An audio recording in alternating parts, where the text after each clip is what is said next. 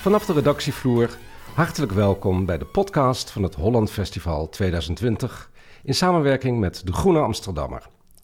De hele maand juni zijn deze podcasts te beluisteren. Veel, heel veel voorstellingen kunnen niet live doorgaan, maar wat je niet kan zien, kan je wel bespreken. Ideeën, plannen, inzichten, mogelijke uitzichten, dat gaan we het komende half uur doen. Ik ben Stefan Sanders en samen met makers en toeschouwers, met kunstenaars en met recensenten zal ik in gesprek gaan over wat in de verbeelding bestaat, maar niet nu in de theaters te zien is. De techniek vandaag is in handen van Merel Borst. Vandaag staan we stil bij The Motown Project, dat uitgevoerd zou worden door mezzosopraan, componist en arrangeur Alicia Hall Moran. Zelf spreekt ze van een operaconcert met een podium als van een nachtclub. Dat is dus de sfeer, soul en klassiek.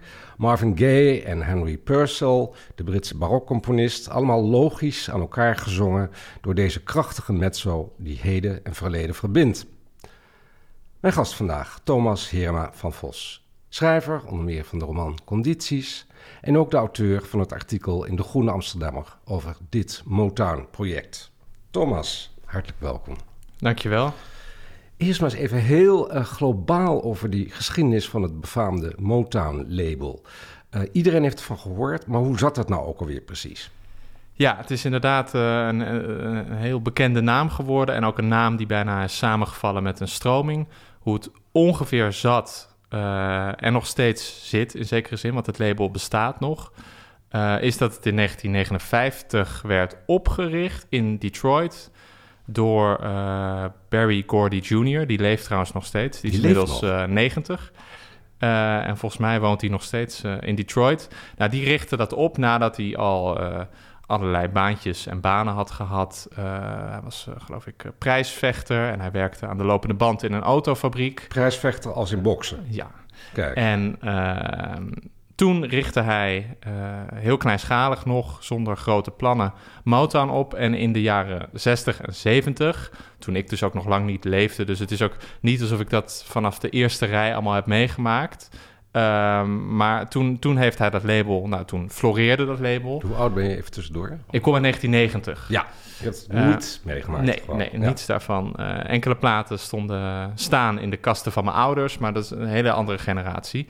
Um, maar dat werkt natuurlijk nog steeds door. Daar komen we ook straks op. Even over Motown. In de jaren 60 en 70 werd dat dus een heel groot label. En wat over het algemeen als een van de grote troeven van het label wordt gezien, is dat de soulmuziek, nou, funkmuziek, uh, die daar werd uitgebracht, met name soul, uh, dat die uh, heel toegankelijk, in zekere zin ook gelikt klonk. En dat die heel erg belangrijk is geweest voor de nou, emancipatie en volwassenwording en het serieus nemen van Afro-Amerikaanse artiesten in Amerika. Die waren er natuurlijk wel voor Motown, die waren er zeker ook na Motown. Maar dit was de eerste keer dat vrij massaal, via artiesten als, als Marvin Gaye en de Four Tops, een enorme rij te geven van succesvolle Motown-artiesten. Stevie Wonder ook, Lionel Richie begon er. Via al die artiesten uh, werden eigenlijk ja, zwarte muzikanten voor het eerst heel prominent zichtbaar en ook uh, niet weggemoffeld met ongunstige contracten. Ze, ze stonden centraal en ze, ja, ze, ze excelleerden in zekere zin. En ook daarvoor is Motown ontzettend belangrijk geweest. En daarbij werd er ook heel veel goede muziek gemaakt. Dus niet, alleen, maar, ja, niet, niet alleen, alleen, maar emancipatoire nee, nee, uh, uh, belangrijk geweest. Het was ook gewoon heel swingend. Heel erg swingend, ja. Motor City, hè, daar komt het vandaan. Motown, uh, Detroit, de auto-industrie, Motor City enzovoort. Um, jij zei net um, dat Motown als label, opgericht in 1959, de doorbraak betekent voor heel veel zwarte muzikanten naar een wit publiek. Hoe zat dat?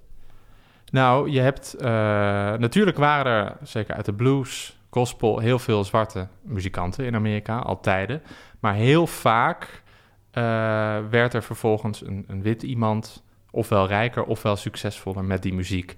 Dus bijvoorbeeld... En de vraag is of je dat Elvis überhaupt kan verwijten, want dat was gewoon hoe de hele industrie zo werkte. Elvis Presley is nou, natuurlijk heel beroemd geworden, zoals we allemaal weten, maar hoofdzakelijk met via muziek van zwarte voorgangers die daar heel slecht voor betaald werden, vaak niet werden genoemd. En dat had niet zozeer te maken met, met één kwaadaardig iemand, namelijk Elvis. Die was helemaal niet kwaadaardig en die probeerde ook op sommige cruciale momenten wel juist zijn voorgangers te noemen en te eren. Maar met de hele industrie, nou met ook hoe Amerika werkte, zou ik graag zeggen. Maar je ziet deze week helaas ook dat het nog steeds vaak zo werkt. Namelijk dat het een witte maatschappij is waar zwarte uh, als ondergeschikt worden gezien en behandeld en worden afgedaan eigenlijk. Dat merkt je ook heel erg in de muziekwereld, ook in de sport trouwens en in de filmwereld, in heel veel segmenten. En dat is in de jaren 60 en 70 wel uh, groot, in grote delen veranderd. Niet dat alle problemen zijn opgelost, zeker niet. Maar ik denk ook dat je heel makkelijk en veilig kan zeggen dat zonder wat Motown heeft gedaan, dat bijvoorbeeld hip-hop en RB nooit zo prominent en mainstream waren geworden. Het is echt een heel erg belangrijk label geweest in dat opzicht. Even naar, naar Alicia Hall Moran, waar we het ja. eigenlijk vandaag over moeten hebben, willen hebben ook. Um, want zij is eigenlijk ook een dertiger. Dat is een tamelijk jonge klassiek geschoolde uh, zwarte zangeres, een mezzo-sopraan, ik zei het net al. Maar ze is eigenlijk ook niet van die leeftijd. Ze heeft zeg maar, Motown niet bewust meegemaakt als tiener.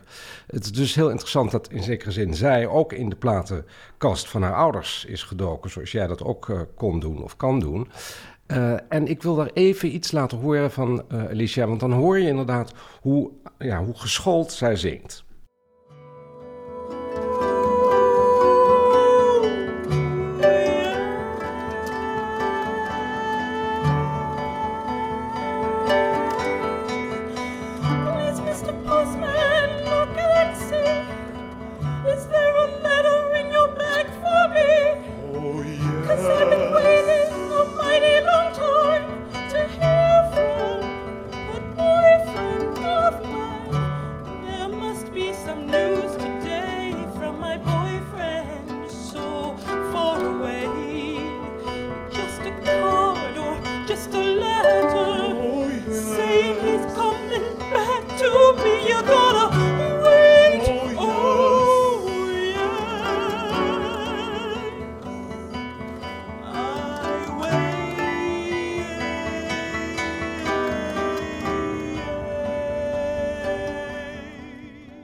Ja, zo zie je en hoor je toch dat Mr. Postman toch echt even klassiek geschoold uh, onderuit wordt gehaald, om het uh, zo te zeggen. Uh, maar zij is dus iemand die um, vanuit de klassieke zang weer is gaan kijken naar die Motown-muziek. jijzelf hebt in je stuk in De Groene zoiets gezegd als geen Beyoncé zonder gospel. Ja. En wat, wat Alicia eigenlijk zegt, is geen Motown zonder Purcell. Ja. Geen Mozart, uh, geen, geen, geen soulmuziek zonder Mozart.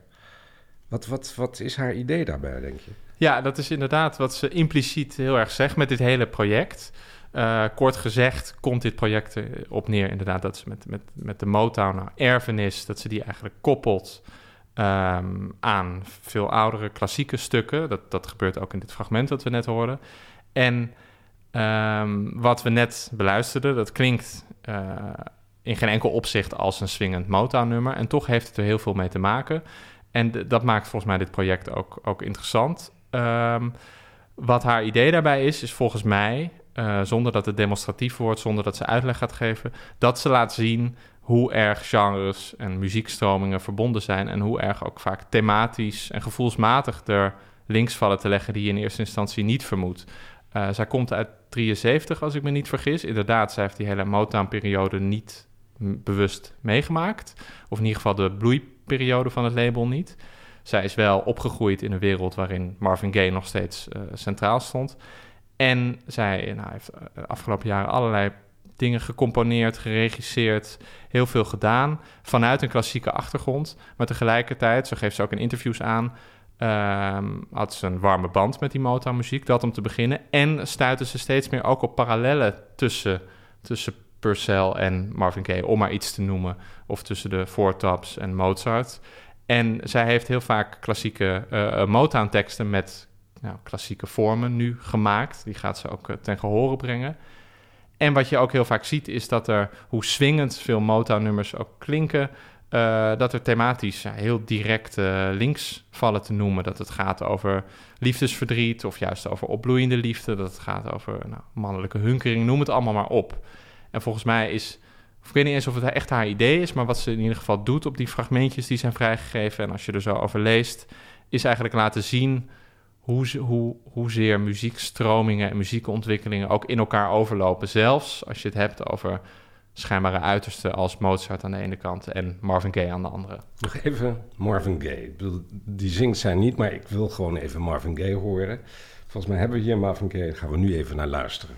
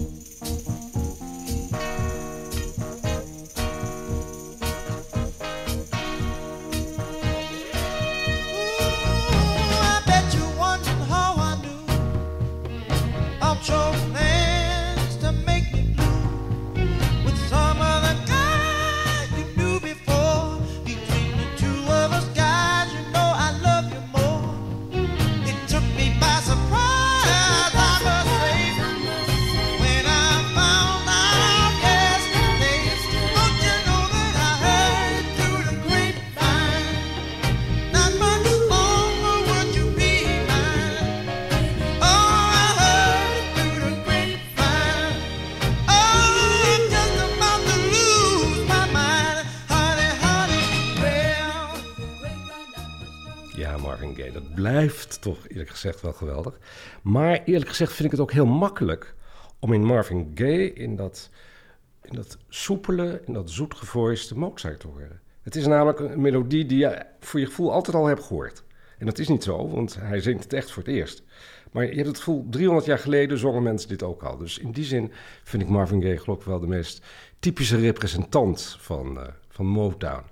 Um, Thomas, je weet ook dat er is ook wel eens kritiek geweest, uh, juist vanuit de zwarte zijde op Motown, omdat ze zich te veel zouden aanpassen aan zeg maar, het, witte publiek. Dus te poppy, te lief, te romig. Hoe denk jij daarover? Ja, dat, zijn, dat, dat heb ik inderdaad ook nou, natuurlijk achteraf gelezen. Uh, uh, en dat, dat is iets wat in de muziekgeschiedenis van Afro-Amerikaanse muziekgeschiedenis heel vaak opduikt dat zodra iets echt succesvol wordt, dat er ook stemmen opgaan die zeggen: het wordt nu misschien wel nou, niet zozeer te succesvol, maar het is te, tegemoetkomend aan de, de voorschriften van de witte samenleving, om het zo maar te zeggen.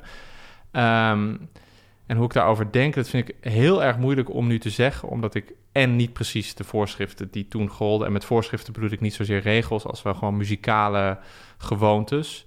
Uh, dit, dit, vind ik heel moeilijk om te overzien. Wat ik wel altijd een, een, typerende en ook wel wat schokkende uh, anekdote uh, heb gevonden over Motown en over Marvin Gaye, is dat die Gordy, die platenbaas die ik noemde, die het allemaal heeft opgezet en er ook nauw bij betrokken bleef en ook heel vaak is geprezen als als echt wel visionair uh, wat dat betreft. Dat die bijvoorbeeld het, het, bekendste Marvin Gaye album, What's Going On, dat die dat eh, aanvankelijk helemaal niet wilde uitbrengen. Want hij zei dat is de politiek, dat willen de mensen niet. En daar schemert in ieder geval in door dat hij uh, zich wel echt iets aantrok van wat het publiek zou willen. En ook dat het misschien niet te veel pijn moest gaan doen. En toen ik dat. Dat, nou, dat las ik nog eens twee weken geleden. Dat, die anekdote kende ik al. Maar toen ik dit stuk schreef, dacht ik wel, ja, dat is dat is wel gek. En ik ben blij dat iemand als gay dan zijn uh, zin doordrukte. Of, zijn, ja, of uh, zulke goede muziek maakte dat het wel uitgebracht moest worden. Uh, maar daarvan dacht ik wel, oh ja, dat, dat, dat, is, dat, dat heeft iets geks en ook iets franks. En um, dat, dat, dat, dat, dat zit me ook niet helemaal lekker, eerlijk gezegd, als ik dat zo hoor. En verder vind ik het, vind ik het een, ja, een moeilijk vraagstuk. Want het zit altijd dat span spanningsveld tussen blanke acceptatie. En dan ook binnen de hip-hop, die ik wel altijd al heb gevolgd en goed ken, heten zwarte rappers die dan heel veel succes hebben, heel snel ineens een sell-out. Daar zit gewoon altijd een spanningsveld. Sell-out. Ja. ja. Degene die zich verkoopt, ja. zijn ziel. Zijn ziel verkoopt voor wat knaken. Ja.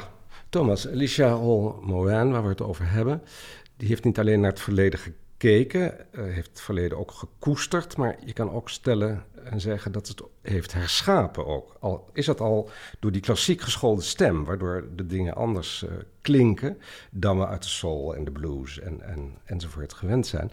Misschien kunnen we even een stukje luisteren naar een deel van wat zij zingt. En dan hoor je meteen, nou ja, dat het weer heel zwart, maar toch ook heel academisch klinkt.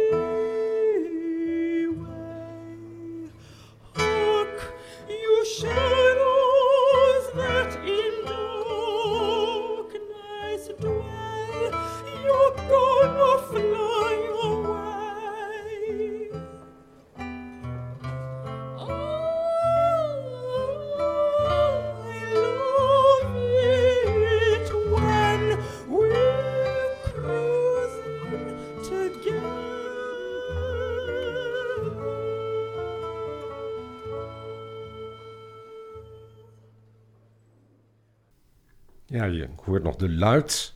Je hoort ook een beetje iets middeleeuwsachtigs. Dus uh, het gaat ineens even heel diep terug in de geschiedenis. Vind ik wel erg prachtig.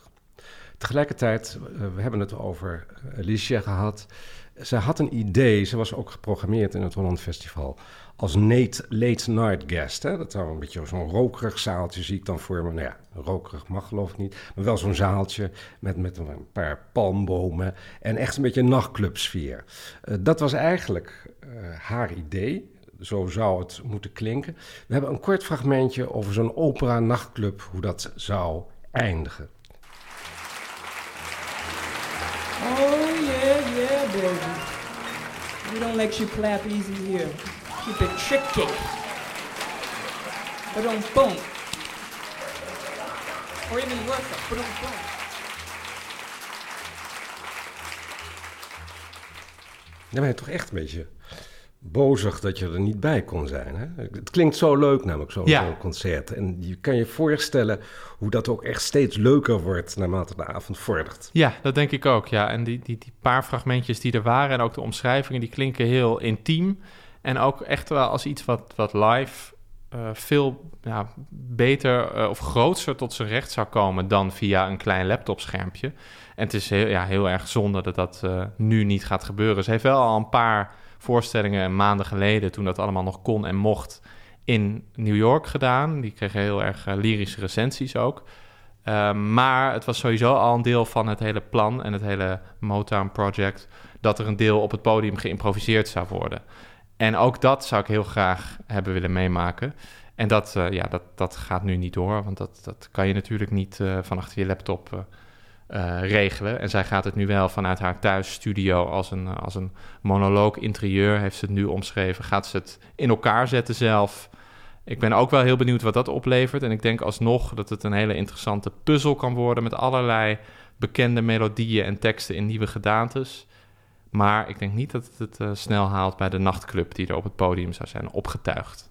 Thomas Herman van Vos, ik dank je wel. Wij wachten gewoon tot volgend jaar. En dan eisen we van het Holland Festival dat zij Alicia live hier komt met haar band. Dat zou toch wel geweldig wezen. U luisterde naar de podcast van het Holland Festival in samenwerking met De Groene Amsterdammer over het werk van Alicia Hall Moran, The Motown Project. En zij werkte daar weer samen met haar partner Jason Moran en met andere muzici. Mijn gast vandaag, Thomas Heerma van Vos, die een artikel schreef in De Groene over dit project. Meer informatie kunt u vinden op de website van het Holland Festival. En daar vindt u ook meer over het online festival dat u kunt volgen. Tot zover en tot de volgende podcast.